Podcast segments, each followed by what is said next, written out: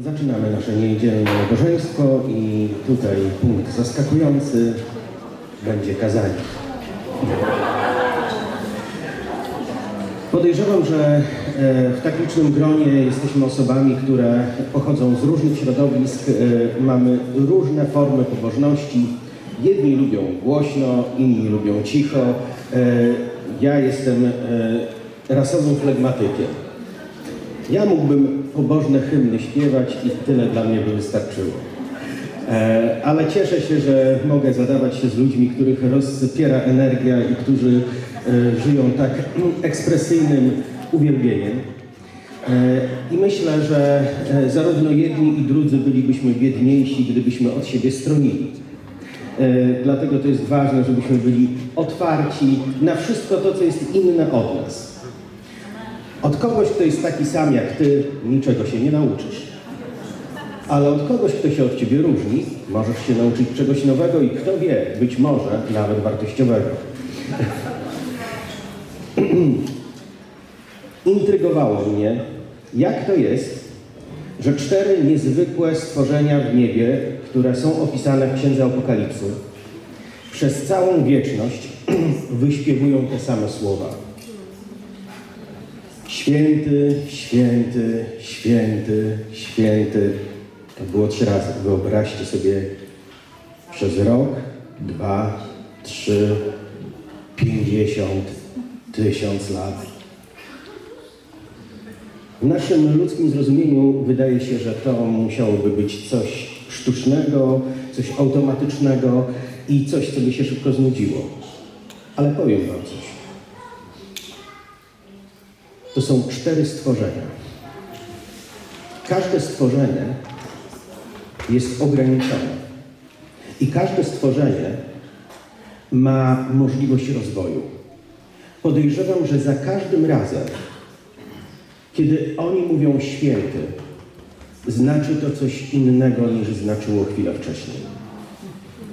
Co roku mogę to powiedzieć.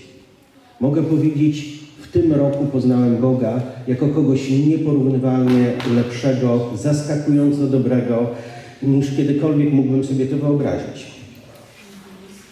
Być może za rok usłyszysz, jak mówię to samo, ale to wcale nie będzie znaczyło, że mówię to samo. Dlatego, że za tymi słowami będzie krył się rok kolejnego poznania i doświadczenia Boga.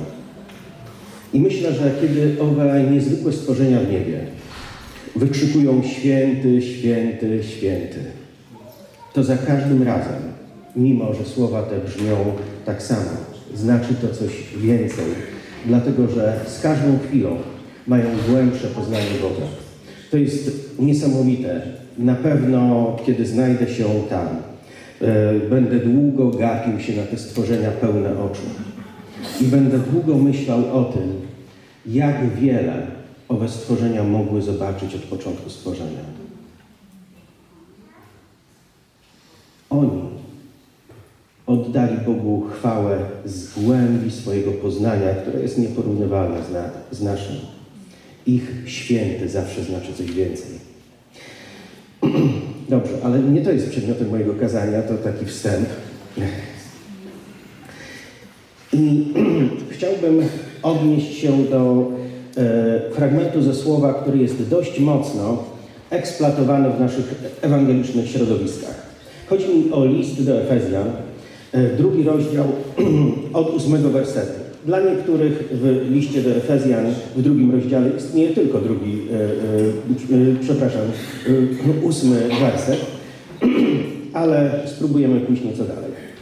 Tu jest napisane, albowiem łaską zbawieni jesteście przez wiarę i to nie z nas, Boże to dar. Cudowna wiadomość. Bóg zbawia nas z łaski.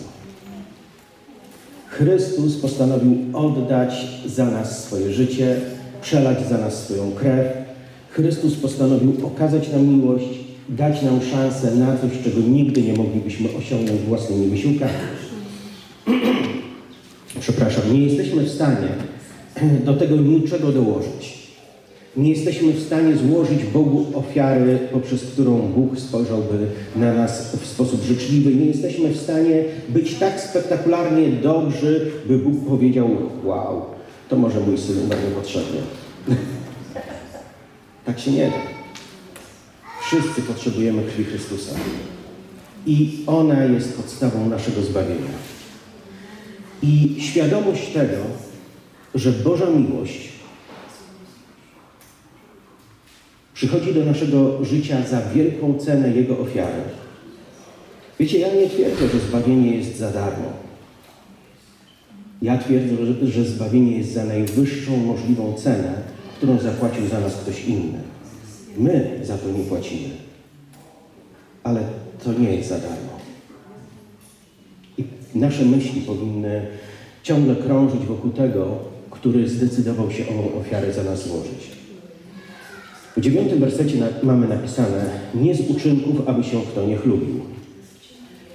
My ludzie mamy taką e, skłonność, e, że nawet jak nikt nas nie chwali, to lubimy samych siebie pochwalić. Może nie odbywa się to w ten sposób, że kiedy widzisz się z rana w lustrze, to przykładasz do lustra dłonie, całujesz namiętnie niczym breżnie swoje odbicie w lustrze i mówisz, jaki jesteś cudowny. Ale, ale w środku każdy z nas chce się e, w jakiś sposób dowartościować. I bardzo często, kiedy ludzie się nawracają, to później opowiadają świadectwa w stylu ja nie byłem taki zły. Inni się dowartościowują mówiąc o ja to byłem taki straszny, nie było drugiego takiego strasznego jak ja. Ale wiecie, w tym wszystkim ważne jest nie to, jacy byliśmy, jacy źli czy dobrzy, ale ważne jest to, abyśmy nauczyli się chlubić tą prawdą. Dla Niego byłem wart. Dla Niego byłam warta tego, by oddać za mnie życie. Byśmy nie skupiali się na tym, co dokonaliśmy, ale na tym, co On dokonał dla nas. I teraz zmierzam do kolejnego wersetu, który jest dla mnie niesamowicie ważny w tym, co chcę dzisiaj powiedzieć. Tu jest napisane, Jego bowiem dziełem jesteśmy stworzeni w Chrystusie Jezusie do dobrych uczynków, do których przeznaczył nas Bóg, abyśmy w nich chodzili. Więc Biblia mówi, że jesteśmy zbawieni poprzez Bożą łaskę, że nie mamy żadnego powodu do chluby sami z siebie, e, że e, żadne nasze uczynki nie mogły dać nam zbawienia. Ale Biblia mówi, że Bóg kształtuje nas w Chrystusie w taki sposób, abyśmy wypełnili pewne czyny, które są dla nas przeznaczone. Jednym z polskich przykładów Pisma Świętego e, zrobionym przez e, mm, ekipę z Poznania, e, tam jest napisane, że chodzi o uczynki, które Bóg zaplanował przed stworzeniem świata, abyśmy wypełnili. I na mnie robi to wrażenie. Bóg ma plan dotyczący każdego człowieka. A to, co jest dramatyczne, to to, że my możemy ten plan wypełnić lub nie. Grecki język, mówiąc o grzechu, używa sformułowania mówiącego o chybieniu celowi. Grzech to tak, jakby Twoje życie było strzałą, która nie trafiła w tarczę. Bóg ma dla Ciebie cel do osiągnięcia, ty istniejesz, Twój cel istnieje, a pomiędzy tym wszystkim jest los, który musi dobrze wypaść. Jeśli zabierzesz ze sobą za dużo bagażu, będziesz za ciężką strzałą. Jeśli nie doinwestujesz się, może będziesz za lekką strzałą, ale bardzo wiele zależy od nas, byśmy osiągnęli ów cel. To nie może wydarzyć się bez naszej woli. To nie może wydarzyć się bez naszego zaangażowania i bez naszych decyzji. Tak jak podejmujemy decyzję, że nawracamy się, musimy podjąć decyzję, chcę poznać Bożą wolę dla mojego życia i chcę ją wypełnić. To są nasze decyzje. Jeśli nie znasz jeszcze Bożej woli dla, dla swojego życia, musisz ją poznać. I to jest Twoim celem, by ją poznać. A jeśli znasz, to musisz zrobić wszystko, co możesz, by wypełnić to w sposób doskonały. Opowiem Wam o pewnym wydarzeniu e, sprzed wielu, wielu lat. Hmm, kiedy e, e, nawróciłem się, zacząłem gorliwie czytać Biblię, w zasadzie tak mi zostało. A nawróciłem się na przełomie 91 i 92 roku, więc jest to już kilka ładnych lat za mną. I byłem jedyną osobą, którą znałem, która czytała Biblię. Więc e, e, kiedy e, w późniejszym okresie dowiadywałem się o tym, że ktoś Biblię czyta, albo że ktoś czyta Biblię znacznie dłużej niż ja, to wtedy byłem pod wielkim wrażeniem. Poznałem więc pewną rodzinę w naszym mieście, ludzi, którzy mieli Pismo Święte i czytali, to, to było fajne. Od czasu do czasu się spotykaliśmy. E, pamiętam, jak e, mm, rozmawiałem z seniorką, już od dawna nieżyjącą osobą, ale ona wtedy miała około 80 lat i pomyślałem sobie, 20 lat codziennie czyta Biblię, a ja ją czytam dopiero od dwóch lat. Pomyślałem, mój Boże, jak wiele ona musi wiedzieć. Kiedy znalazłem się u niej na rozmowie, zacząłem z nią rozmawiać o tych wszystkich cudownych rzeczach, które znajduję w Biblii i o tym, jakie to jest cudowne, że Bóg postanowił zbawić nas z łaski. Owa kobieta patrzyła na mnie z taką podejrzliwością, jak, jak, jak gdybym jakąś straszną herezję wypowiedział. W końcu yy, powiedziała, jak to zbawienie z łaski? Z jakiej łaski? No i w końcu bardzo oburzona powiedziała, wszystko co ja w życiu osiągnęłam, to tymi dziesięcioma palcami z łaski, to ja nic nie chcę, nawet zbawienia od Boga.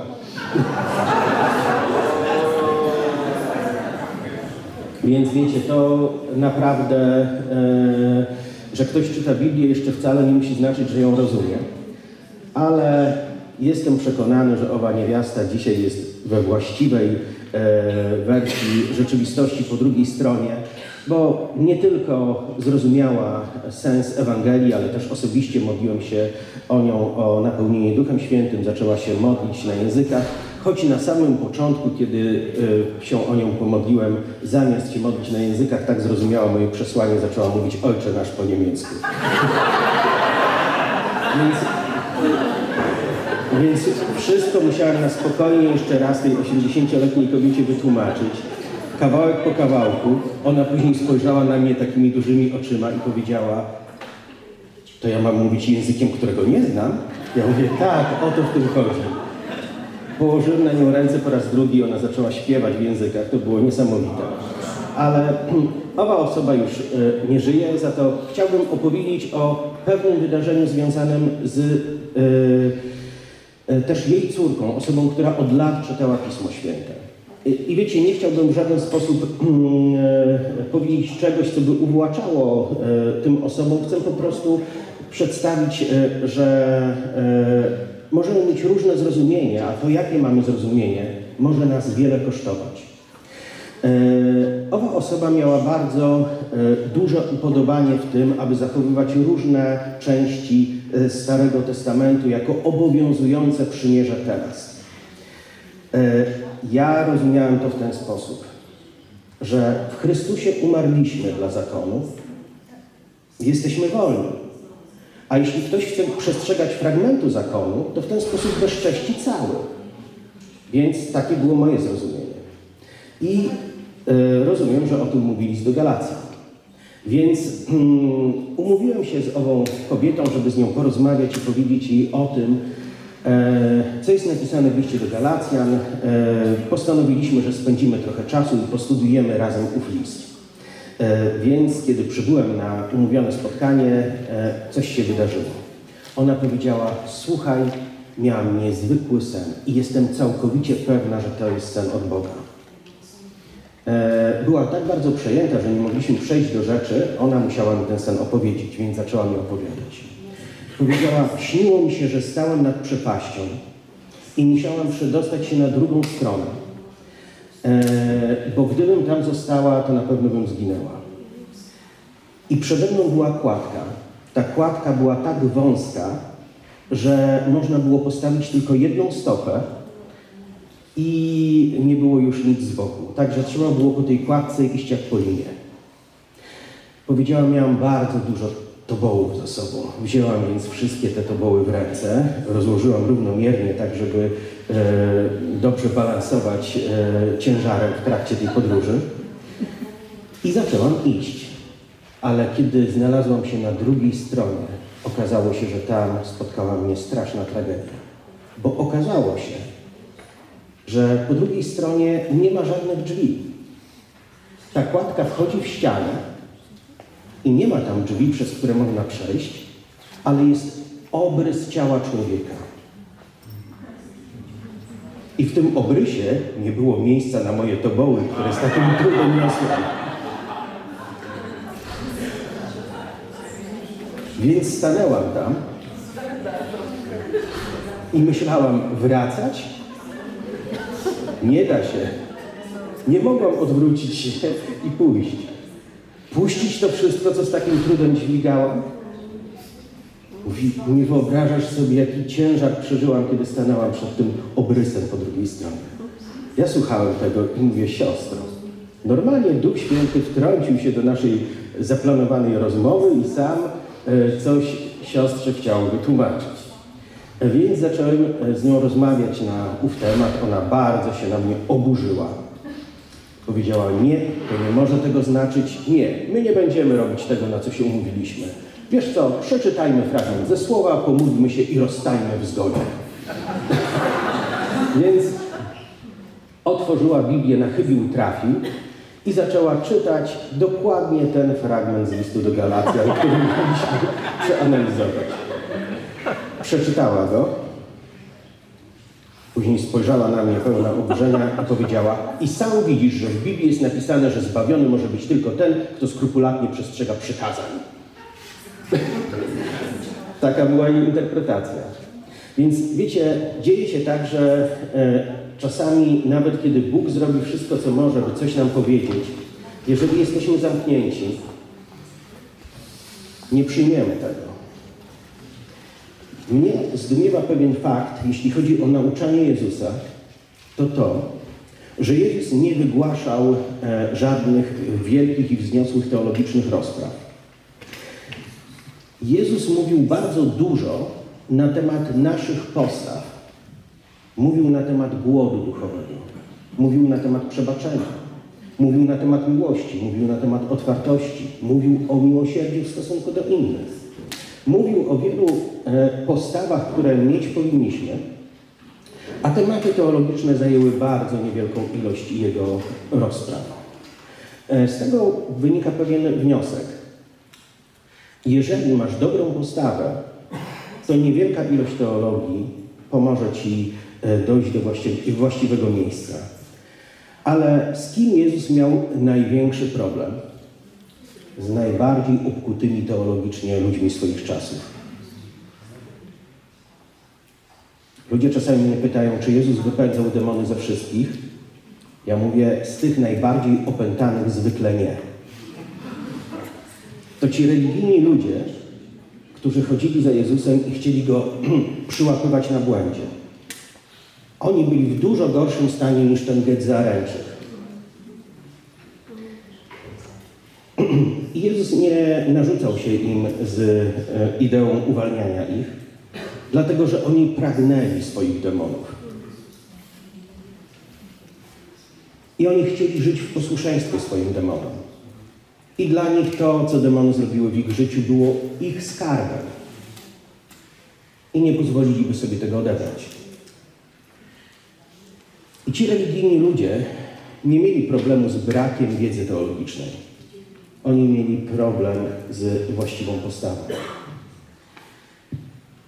My, jako wierzące osoby, powinniśmy zdawać sobie sprawę z tego, że zostaliśmy powołani z łaski przez Boga, by być ludźmi, którzy cieszyć będą Boga codziennie, wydając owoc na Jego chwałę. Bóg oczekuje, że wypełnimy swoje przeznaczenie, że czyny wiary będą wypływać z naszego życia.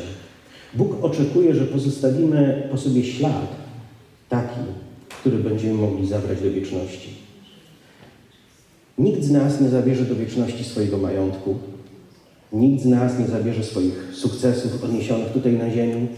Nikt z nas nie pochwali się Bogu, e, że udało mu się spłacić kredyt przed czasem. A Bóg nie wyjdzie ci naprzeciw i nie powie, synu mój, jak bardzo się cieszę. Możemy zabrać ze sobą tylko ludzi. I do tego jesteśmy powołani.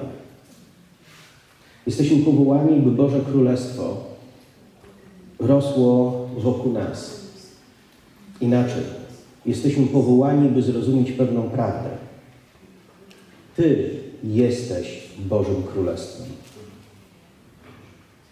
Jesteś osobą narodzoną na nowo, napełnioną Duchem Świętym. Jesteś manifestacją Bożego Królestwa na ziemi. Kiedy zaczniesz myśleć o sobie jako o Bożym Królestwie, to musisz zadać sobie pytanie, czy Boże Królestwo może być zwyciężone przez diabła? Czy Boże Królestwo może być pokonane? Czy Boże Królestwo może być pomiatane przez diabła? Czy Boże Królestwo może żyć w uzależnieniu, żyć w kłamstwie, żyć w e, chorym pożądaniu? Czy Boże Królestwo może być związane przez świat? Nie jesteś przeznaczony, by wywalczyć dla siebie wolność. Jesteś przeznaczony, by żyć w zwycięstwie i wyrywać tych, którzy Bożym Królestwem jeszcze nie są, aby tym Królestwem się stali. Bóg chce użyć każdego i Bóg chce również użyć Ciebie. Mam wielką nadzieję, że będziemy służyli wspólnie w trakcie tego obozu w e, tym, aby pogłębić zrozumienie tej prawdy. Ale chciałbym użyć takiego określenia, które chcę rozwinąć przez kilka kolejnych minut. E, zapamiętajcie to słowo, jeśli macie notatniki, e, zapiszcie, jeśli posiadacie pamięć, zapamiętajcie. To słowo brzmi rozwój. Ty decydujesz o tym, czy się rozwijasz, czy nie. Jeżeli nie mamy planu dotyczącego naszego rozwoju, w naszym życiu rozwój nie będzie następował. Jeśli nie mamy działań nastawionych na rozwój, w naszym życiu rozwój nie będzie następował. Jeśli nie pragniemy rozwoju, rozwój w naszym życiu e, nie nastąpi. Biblia używa różnego rodzaju zwrotów, które są dynamiczne. E, mówi na przykład o zbudowaniu, o wzroście. Mówi o tym, że z okresu niemowlęctwa idziemy do dzieciństwa, do bycia młodzieńcami, do bycia ojcami w wierze. Biblia pokazuje, że życie wierzącego człowieka to życie, które nieustannie się zmienia. To życie, w którym przeżywasz ciągle na nowo inaczej e, te same prawdy. Jezus powiedział, jeśli we mnie trwać będziecie, obfity owoc wydacie. Jeśli ktoś kiedykolwiek e, miałby taki dylemat i zastanawiał się, czy ja naprawdę trwam w Chrystusie i czy trwam w Jego Słowie, musimy zadać sobie proste pytanie. Gdzie są moje owoce i jakie są? Czy one się powiększają? Czy doświadczam więcej? Czy jest w moim życiu obecny rozwój? Jeśli chcesz znaleźć odpowiedź na pytanie, czy trwasz w Chrystusie, to Jezus powiedział, że odpowiedzią na to pytanie jest owoc w Twoim życiu. Jeśli we mnie trwać będziecie, obfity owoc wydacie. Ale w 15 rozdziale Ewangelii Jana jest to przedstawiane, przedstawione w ten sposób, że jeśli wydajesz owoc, to Bóg oczyszcza Cię, abyś wydał jeszcze większy owoc. Jesteśmy przeznaczeni, by owocować bardziej, bardziej i bardziej. Czy to może się wydarzyć bez naszego planu, bez naszego zaangażowania, bez naszych decyzji? Pamiętam, jak kiedyś e, w latach 90. oglądałem szkołę uzdrowienia e, hunterów i szacowna pani Hunter powiedziała, że często to irytuje ludzi, którzy zadają takie pytanie pełne zadziwienia, czy rzeczy nadprzyrodzonych można się uczyć?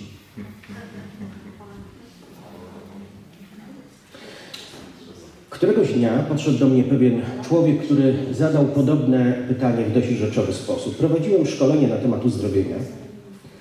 E, I on podszedł do mnie i powiedział: No słuchaj, wszystko co mówisz jest takie logiczne. Ja to rozumiem, co mówisz, ale przez cały czas mam takie pytanie, czy to dotyczy nas wszystkich?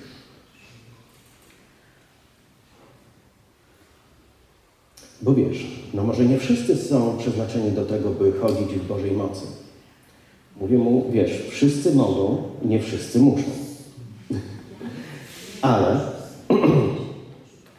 e, spytałem go, e, co on na to, e, by odmówić mu prawa nazywania się uczniem Jezusa.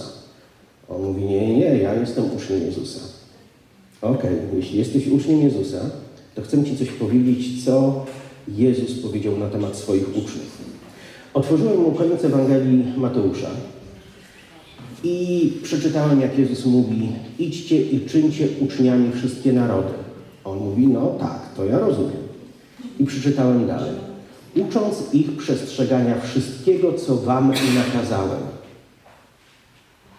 Hmm. Mówię, musisz dowiedzieć się, czego Jezus, co Jezus przykazał robić apostołom i wtedy dowiesz się, na czym polega Twoje uczniostwo.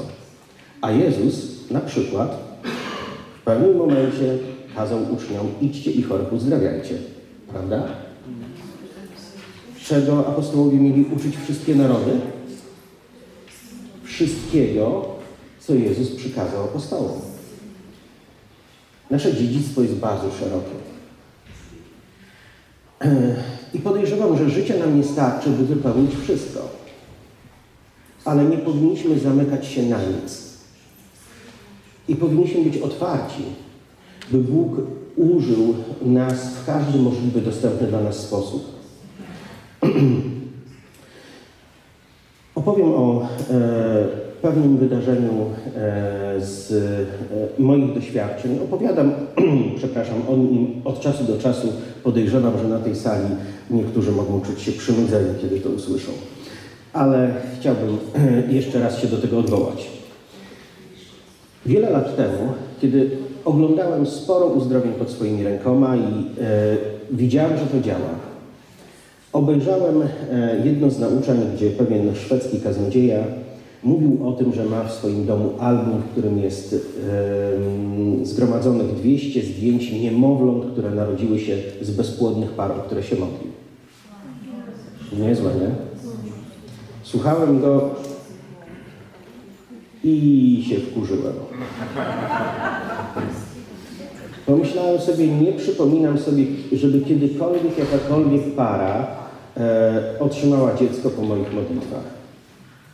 I pomyślałem, muszę użyć tego, w co wierzę. Muszę zacząć rozwijać swoją wiarę w tej sprawie. Postanowiłem, że od tego momentu będę studiował ten temat, modlił się w tej sprawie, będę słuchał świadectw na te tematy, będę e, studiował Biblię w, e, tych kwestiach. Bardzo szybko odkryłem, że pierwsze uzdrowienie w Biblii, jak jest opisane, to uzdrowienie bezpłodności.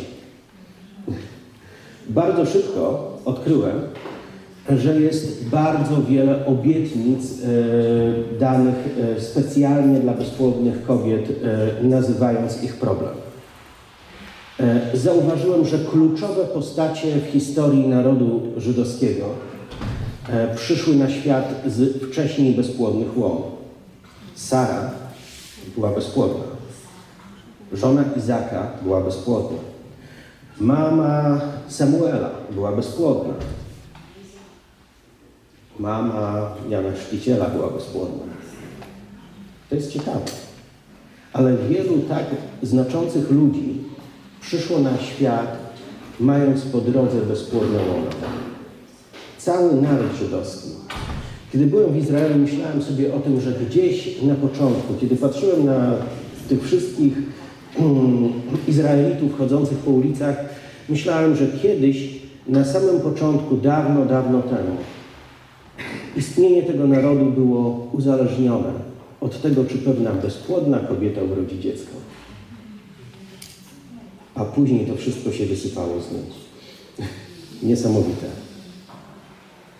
Więc kiedy zacząłem studiować ten temat, Kiedy zacząłem myśleć o tym, kiedy zacząłem się o to modlić, coś zaczęło się dziać. Pierwsze kilkanaście przypadków, kiedy bezpłodne osoby e, zaszły w ciążę, pamiętałem i mogłem e, opowiadać o tym w szczegółach. Kiedy pojawiło się kilkadziesiąt przypadków, to już trudno było wszystkim pamiętać, ale ciągle zdarza mi się, że kiedy jeżdżę po Polsce, podchodzi do mnie ktoś z jakimś maleństwem i mówi, to jest to, o co się modliłeś. Rozumiesz? Zdecydowałem się rozwijać w tym temacie. Powiem coś bardzo porażającego, ale decyzja o rozwoju, o rozwoju czegoś, co dotyczy mego umysłu i mego serca, w efekcie spowodowała przyczynienie się do sprowadzenia na świat kilkudziesięciu nowych ludzi. To jest niesamowite. Czy to nie jest porażająca prawda? Jeśli zdecydujesz się rozwijać w sposób duchowy, jeśli zaczniesz szukać, w jaki sposób możesz wypełnić swoje powołanie, możesz mieć bardzo realny wpływ na świat. Możesz mieć wpływ na świat, który Ciebie zaskoczy. Możesz mieć wpływ na świat, który przerośnie Twoje marzenia.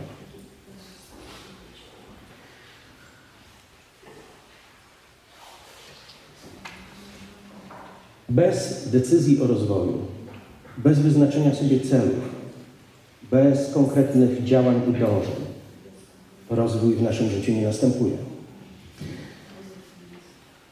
Jako e, pastor wielokrotnie byłem proszony o różnego rodzaju porady.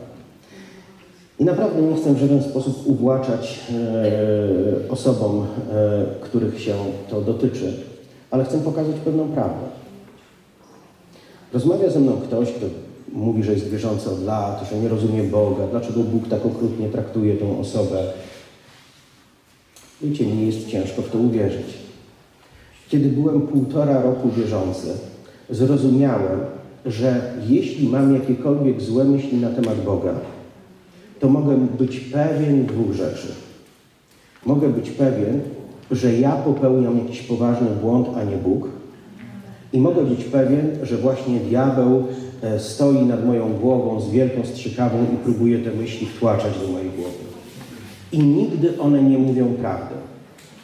Ilekroć czujesz się wykorzystany przez Boga, ilekroć czujesz się zdradzony przez Boga, zaniedbany, ominięty, niekochany, tylekroć masz do czynienia z kłamstwem. To nigdy nie jest prawdą. Próba pływania w tym kłamliwym bagienku nigdy nie doprowadzi Ciebie do niczego dobrego. Potrzebujesz po prostu jak najszybciej to opuścić. Potrzebujesz wybudzić się z takich myśli jak ze złego snu. Ale zdarza mi się, że ktoś przychodzi i mówi, że nie rozumie, dlaczego Bóg mnie nie kocha. Nie rozumie, dlaczego, nie rozumiem, dlaczego Bóg tak źle mnie traktuje. Dlaczego zawsze mnie pomija? Dlaczego moje życie jest takie złe? Dlaczego On jest zawsze obojętny na mnie? I tego typu rozmowy e, nauczyły mnie zadawania różnych pytań. Jednym z takich pytań jest to, y, czytasz Pismo Święte? Tak. Ile razy przeczytałeś Nowy Testament? Tak cały? Ja nie liczę. Wiecie, to od razu coś mówi. A stare? Stare to się czyta w ogóle? Przecież nie dotyczy nas. A ile lat jesteś wierzący? Na 14. Wiecie, w takich sytuacjach, kiedy ludzie sami sobie robią krzywdę, trudno jest im pomóc, nawet mając bardzo, bardzo dużo dobrej woli.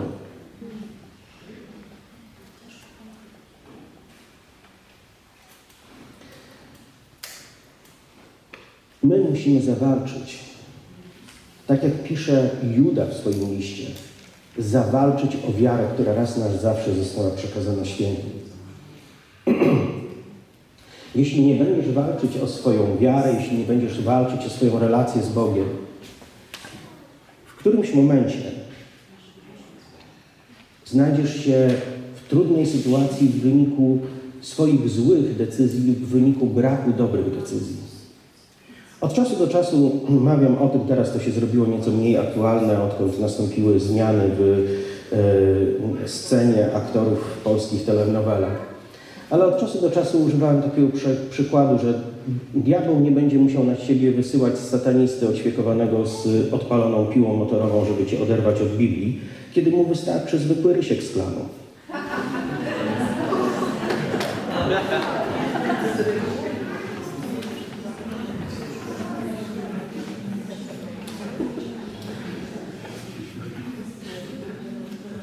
To my decydujemy, co zrobimy ze swoim czasem. Co będziemy nosić w naszych głowach? Gdzie będzie skierowana nasza uwaga? W czym się będziemy rozwijać? To my decydujemy. Jeśli nie zdecydujesz, ile razy w tym roku przeczytasz Biblię, trudno ci się będzie tego trzymać, bo to nie będzie Twoim planem. Jeśli nie zdecydujesz, ile razy ją przesłuchasz, nie będziesz się tego trzymać, bo to nie będzie Twoim planem. Jeśli nie założysz tego, jakie wykłady przesłuchasz, jakie e, szkolenie przejdziesz, jakie e, książki zaliczysz w tym roku, e, to trudno Ci się będzie tego trzymać. Czy jest pośród Was ktoś, kto ciągle kupuje nowe książki? I od czasu do czasu stajesz przed półką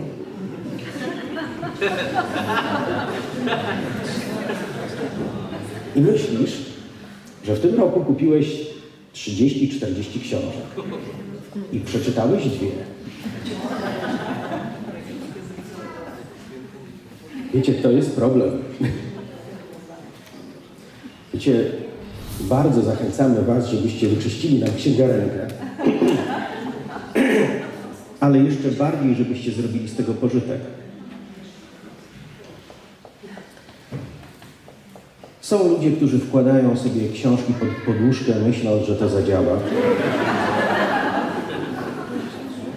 Ale jest wiele mitów, które warto obalić.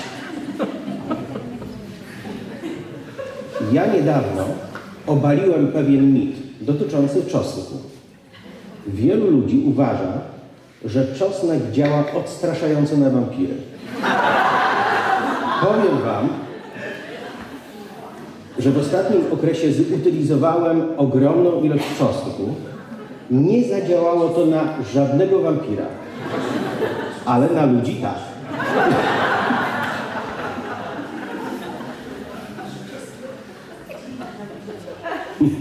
Więc warto obalać pewne mity. Książki, które trzymasz pod poduszką, nie pomogą ci. Ale jeśli wyznaczysz sobie cel, że chcesz coś osiągnąć, że chcesz w jakiejś sferze się rozwinąć, że chcesz coś głębiej zrozumieć, że chcesz coś lepiej praktykować, to jeśli poświęcisz temu czas, zaangażowanie, coś się zmieni. Powodem, dla którego robimy ten obóz, jest to, by inspirować do świadomego rozwoju. Bóg potrzebuje bardzo wielu odważnych pracowników dla Bożego Królestwa. I Bóg nie szuka tych, którzy będą mieli czas, by pójść do seminarium i skończyć kilkuletnią szkołę. Bóg szuka tych, którzy będą chcieli służyć Mu przez całe życie i przez całe życie się rozwijać. I możesz zacząć od razu. Wiele osób myśląc o tym, że jeśli pójdzie do szkoły biblijnej lub y, do, y, na jakąś uczelnię i wtedy zacznie się ich służba, y, straciło kilka ładnych lat, a przy okazji stracili również zapał, gorliwość, nauczyli się sceptycyzmu i niewiary. To nie jest dobre, by odkładać na przyszłość coś, do czego Bóg powołuje nas dzisiaj.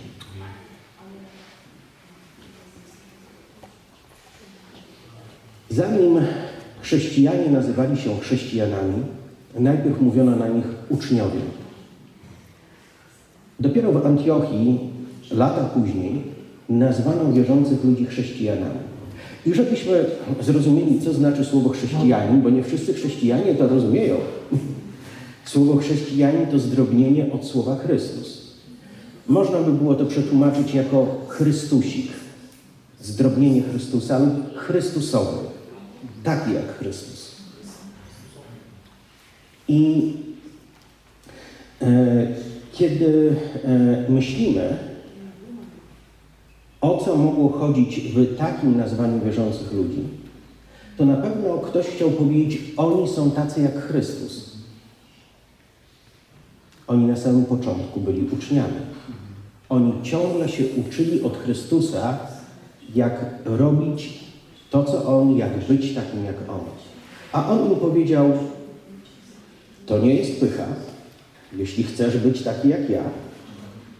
Wręcz przeciwnie, to ja Ciebie nawołuję, byś był taki jak ja. I On powiedział, naśladujcie mnie. I On powiedział również, starczy, gdy uczeń będzie jak mistrz jego. Celem Jezusa jest byś był jak On. To nie jest żadna pycha, kiedy myślimy o tym, że tacy powinniśmy być. Uczniowie, którzy gorliwie uczyli się, uczniowie, którzy rozwijali się. Czy możesz być uczniem bez rozwoju? Same to określenie zawiera w sobie pewne zobowiązanie i kierunek rozwoju. Więc bycie chrześcijaninem to bycie człowiekiem, który nauczył się być jak Chrystus. Na, to jest istotą naszego chrześcijaństwa. Wielu wierzących zagubiło te prawdy w taki sposób, że często e, myślą sobie, wow, czy kiedykolwiek Bóg mógłby chcieć użyć kogoś takiego jak ja. Tak samo jakby żołnierz podczas wojny zadał sobie pytanie, czy w ogóle moje dowództwo kiedykolwiek by chciało, żebym walczył? Jesteś żołnierzem i istotą bycia żołnierzem jest to, byś brał udział w walce. Kiedy jesteś lekarzem, to nie jesteś lekarzem po to, by studiować medyczną literaturę przez całe życie i tym się tylko zajmować. Tak samo jak chrześcijanie. Kocham Biblię, cenię ją. Chcę ją czytać jak najczęściej i chcę ją słuchać jak najczęściej. Chcę wytapetować swoje wnętrze Bożym Słowem.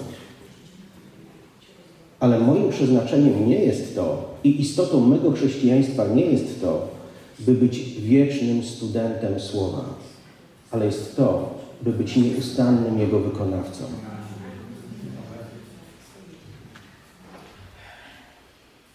Wyobraźcie sobie sytuację. Potrzebujesz nowej pralki. Więc, e, bo jeszcze gorzej. Wyobraźcie sobie, twoja żona potrzebuje nowej pralki. Wysyła cię do sklepu, dokonujesz zakupu, przyciągasz sprzęt do domu, stawiasz, instalujesz, a ona jest tak zachwycona, bierze instrukcję, zamyka się z tą instrukcją, czyta ją, podkreśla ulubione fragmenty mazarkiem. W niektórych miejscach nakleja naklejki w kształcie serduszek. Zabiera instrukcję ze sobą na wyjazd na wczasy, na przykład na obóz na 100%. Ciągle ma tą instrukcję w torebce, żeby zajrzeć do niej w momencie, kiedy najdzie ją taka tęsknota. Nauczyła się niektórych fragmentów na pamięć i potrafi już zarecytować inne. Ale w domu stoi nieużywana pralka i ogromna kupa prania. Wiecie, życie wielu wierzących ludzi wygląda w podobny sposób. Myślę, że to, czym się charakteryzują ostatnie lata, to to, że jest bardzo wielu koneserów nauczania. Po prostu jesteśmy na, jak na targowisku. A co myślisz o tym, co powiedział ten lub tamten w tym e, czy innym nauczaniu na YouTubie? No nie wiem, wiesz, staram się gorliwie wszystko takiego słuchać na bieżąco, ale jeszcze do tego nie doszedłem, bo mam jeszcze pięciu innych nauczycieli, których słucham. Kiedy kupujesz pralkę, nie kupujesz jej dla instrukcji. Tylko by coś zostało wykonane. Kiedy studiujemy Słowo, to nie po to, by być profesjonalnymi studentami Słowa, ale po to, by być rzeczywistymi wykonawcami tego, co jest napisane w instrukcji. A to jest księga, która została stworzona po to, by pomóc nam się rozwijać we wszystkich możliwych sferach. To jest księga, która została stworzona, by pomóc nam rozwijać się artystycznie, psychologicznie. To jest księga, która została stworzona po to, by pomóc nam rozwijać się duchowo, by pomóc nam rozwijać się moralnie we wszelkich możliwych sferach. Więc jeśli jesteśmy tylko podziwiaczami, to nasze zajęcie jest bardzo żałosne. Ale Bóg nas wzywa. Bóg nas wzywa bliżej. Jesteś strzałą.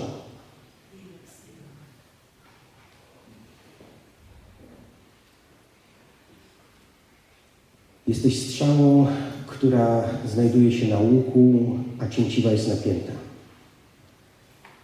Jesteś strzałą, która ma trafić w sam środek tarczy. Jesteś strzałą, która ma wpływ na to, jak będzie wyglądał Twój lot.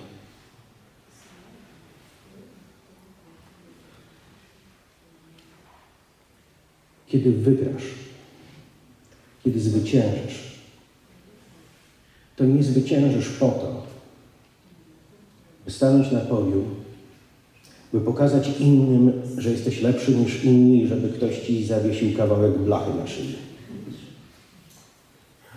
Ale kiedy zwyciężysz, to będziesz mógł rozejrzeć się wokół siebie.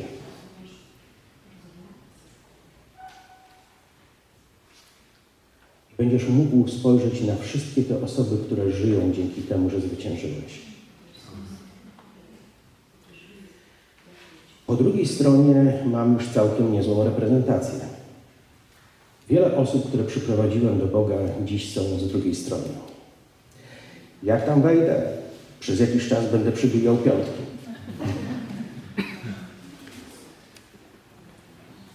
Ale chcę tam zabrać jak najwięcej osób.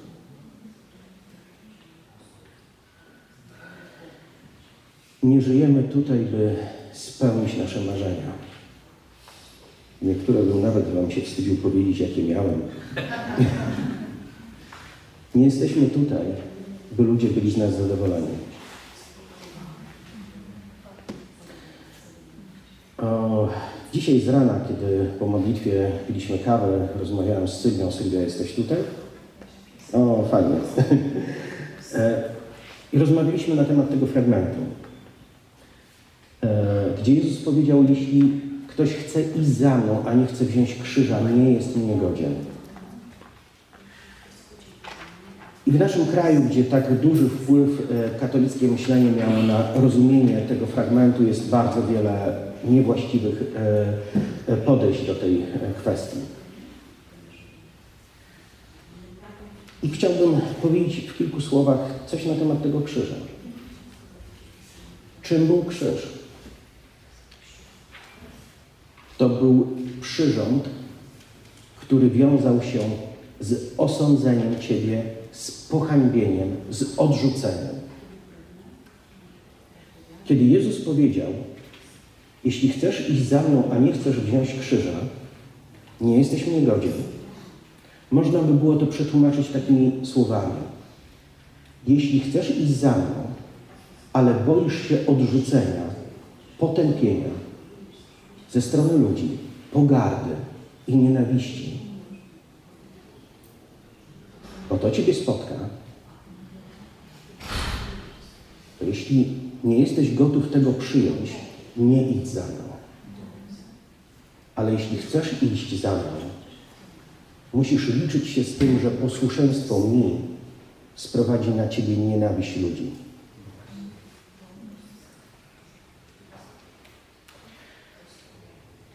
Myślę, że jest to jeden z problemów. Z jednej strony nie słyszymy Bożego głosu, bo nie zabiegamy o to wystarczająco mocno, by go usłyszeć. A z drugiej strony boimy się odrzucenia. Ale powiem coś. Jeśli masz taki problem, mam dla Ciebie ćwiczenie duchowe. Weź łopatę, idź do lasu, wykop grób, głęboki, połóż się w nim z rana, patrz przez cały dzień w niebo, jak chcesz, może być to w nocy,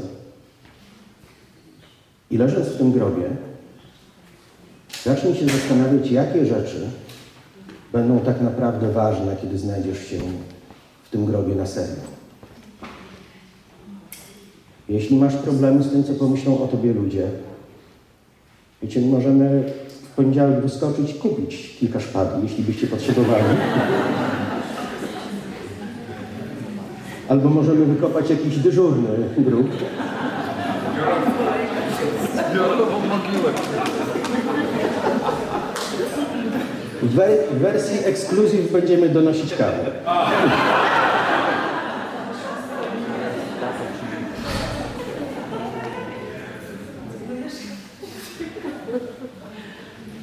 Eliasz kiedyś zapytał Izraelu, jak długo będziesz kulał na obie nogi? Jeśli chcesz służyć światu, służ. Jeśli Bogu, bądź radykalny. Jezus mówi, nie jesteś zimny, ani nie jesteś gorący. Tam w języku greckim, tam nie jest napisane tak dostojnie i religijnie, przeto wypluję cię z ust swoich. Tam jest napisane, żygać mi się chce Tobą. Mam konwulsję od Twego smaku. Brzydzę się tym. Bóg brzydzi się ludźmi, którzy próbują wypracować kompromis między swoją niewiarą a swoim chrześcijaństwem. Kopiemy grób? Dobra, załatwiamy szpadel w poniedziałek. Tyle ode mnie. Bądźcie błogosławieni.